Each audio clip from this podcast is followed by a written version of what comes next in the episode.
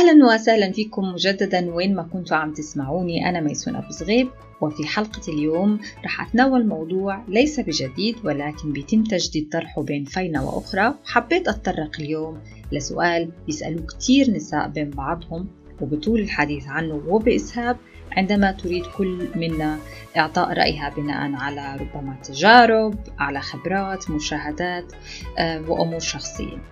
السؤال هو ما الذي يريده الرجل من المرأة؟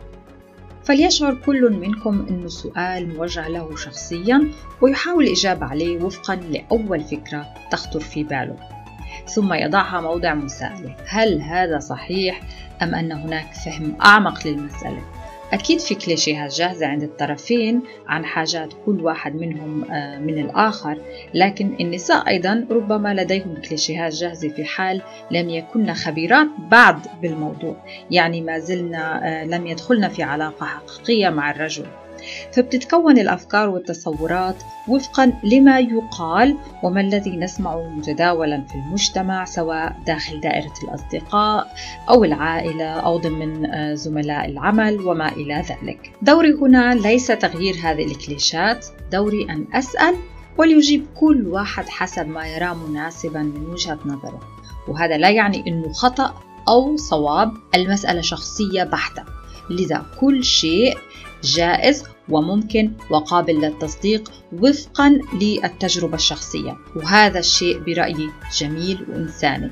جميل إنه نسمع آراء بعض دون ما نطلق أحكام فقط لمحاولة فهم الآخر من ناحية وتحسين ما ترغب تحسينه وفق البيئة العادات الثقافة المناسبة لذواتنا بالدرجة الأولى. حقيقة طرحت الموضوع على مجموعة كبيرة من الأشخاص ضمن دائرة معارفي. منهم احتاج الوقت للتفكير منهم اعتذر منهم آه، ربما تناسى الموضوع. أفهم أنه موضوع حساس ربما للبعض.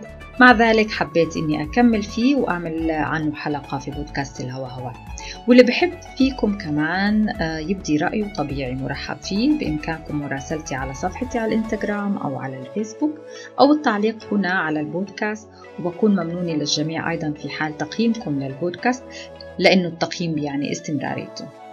وفيكم كمان تقترحوا مواضيع بتحبوا إنه يتم تسليط الضوء عليها ومناقشتها. أول رأي معنا هو من السيدة ميساء شديد التي ترى أن الموضوع فضفاض عمليا ولكنه مهم جدا لكن كوننا نساء بنعطي رأينا بما يريد الآخر منا ممكن نكون غير موضوعيات في طرحنا لكن بالنهاية آه نحن بنبدي الرأي كما ذكرت سابقا وفقا لمشاهدات تجارب ربما خبراتنا عن هذا الموضوع. وميساء تطرقت لجانب مهم في طرحه وهو الاختلاف بين الرجل قديما وحديثا. آه، إذا بنقارن مثلا أو بنشوف كيف كان زمان الرجل وكيف هلأ الرجل الرجل آه، في زمننا الحالي خلينا أحكي آه، إنه في اختلاف بين بين الرجول زمان وهلأ مثلا. على سبيل المثال إنه زمان كان الزلمة بحاول آه، يثبت رجولته من خلال إنه هو آه، الحامي للمرأة من خلال إنه هو المعيل للعائلة آه، أو إنه هو مالك كمان للمرأة باعتبار إنه هو الأقوى. وهذا الإشي كمان حتى المرأة مع الأسف إنه تعاطت معه أو يمكن لأنه ما كان عندها الموارد والإمكانيات إنه هي تكون كائن مستقل بحد ذاته. وأكيد اتبعت برضه العادات والتقاليد اللي هي هلأ عم نوعا ما عم تتلاشى بزمننا الحالي بسبب إنه المرأة صارت أكثر مستقلة اقتصاديا. آه وهذا الإشي ساعدها وأكثر تعليما كمان وأكثر انفتاحا. فهذا الإشي ساعدها إنه هي على الأقل تحط حالها ند آه للرجل آه وهذا الحق الطبيعي يعني. فاللي صار بعدين إنه هلأ الرجل آه اللي بده إياه من المرأة إنه بتحسي لما لما بيروحوا هلأ الزلام بيحاولوا يدوروا على نسوان مشان يتجوزوها. أول شيء بيسألوا إذا هي متعلمة وبتشتغل لأنه بده حدا يساعده آه، ماديا ويتحمل معه آه، أعباء الحياة. كمان الرجل هلا برضه كسلان أكثر بليد أكثر فصفى حتى إنه المرأة هي اللي بتحل المشاكل آه، هي اللي بت أو المشاكل ممكن تواجهها العائلة آه، من خلال أفكارها أكيد أو من خلال دبلوماسيتها وإلى آخره.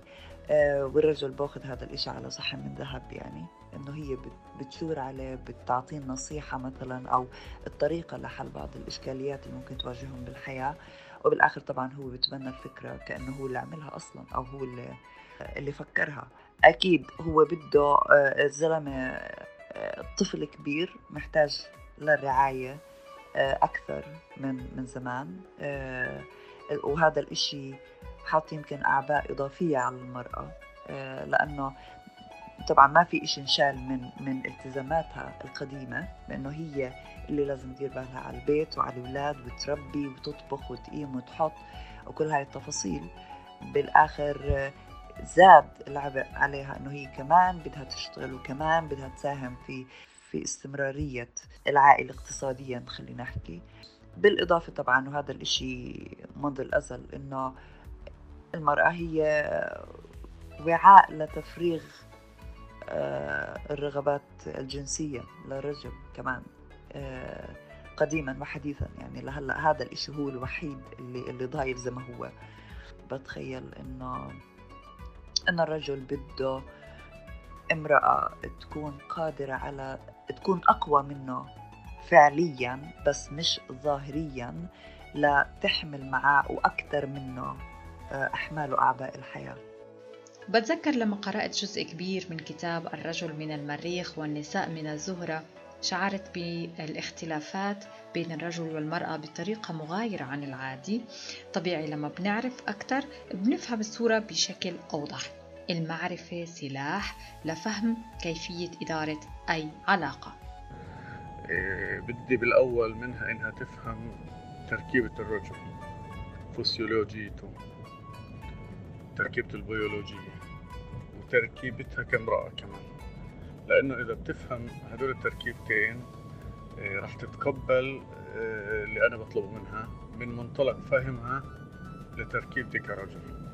غير هيك بصير صعب تفهم علي ودائما مش راح تقدر شو اللي أنا بدي إياه وليش. فأول طلب إنها تفهم تتثقف في تركيبتي كرجل وتركيبتها كامرأة. على السريع طبعا مش راح أدخل بالتفاصيل. إيه أعطي مثال تركيبة الرجل.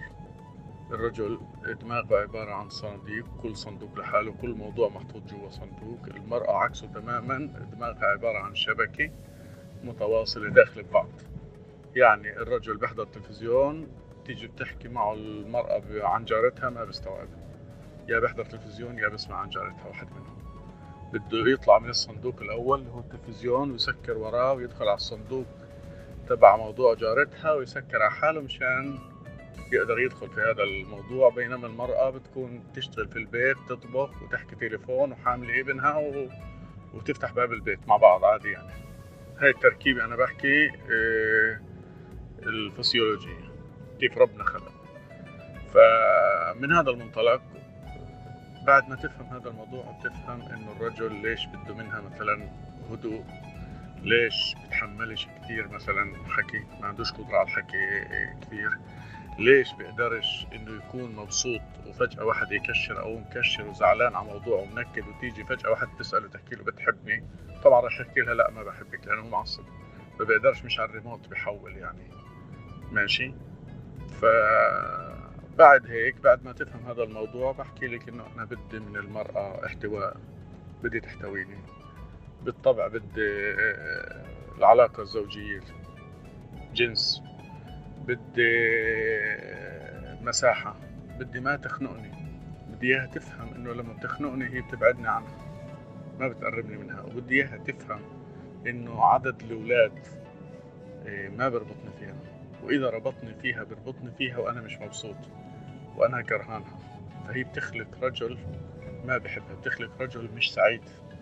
لما بتدور على الأمور اللي بتربطه بشكل إجباري. مش مش هذا اللي بده إياه الرجل. ليش أصلا تربطني بأمور من هالنوع ليش ما تربطني بمحبتها محبتي إلها؟ ليش ما تخليني أحبها؟ طبعا ضروري فهم خلفيات المرأة وخلفيات الرجل آه، مثل التربية الثقافة البيئة النشأة. ومحاولة التقارب بناء على ذلك. وهون بيخطر لي سؤال هل هناك عوامل تلعب دور في تشكيل هذه الحاجة سياسيا اقتصاديا ثقافيا مثلا؟ أكثر موضوع بده الرجل من المرأة أنا اللي بشوفه العلاقة الجسدية رقم واحد. بعدين بتيجي الأشياء التانية رتبيها زي ما بدك. يعني مهم إنها تكون مدبرة متعلمة مثقفة. يشوف حاله فيها قدام الناس. تعرف المظاهر الاجتماعية كتير مهمة بمجتمعنا. شو بده الرجل من المرأة؟ سؤال حلو. المفروض إنه بدوش اشي من المرأة لأنه إحنا مش بعصر الحجري والفرضيات اللي راح نفرض على المرأة شو تساوي.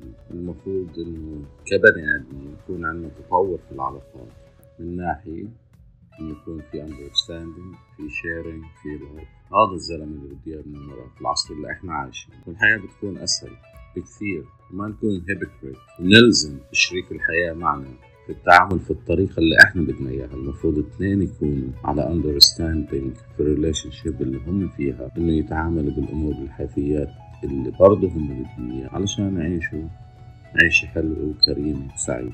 شكرا لكل اللي شاركوني بآرائهم. وبهيك بتنتهي حلقة اليوم. شكرا للاستماع. وإلى اللقاء.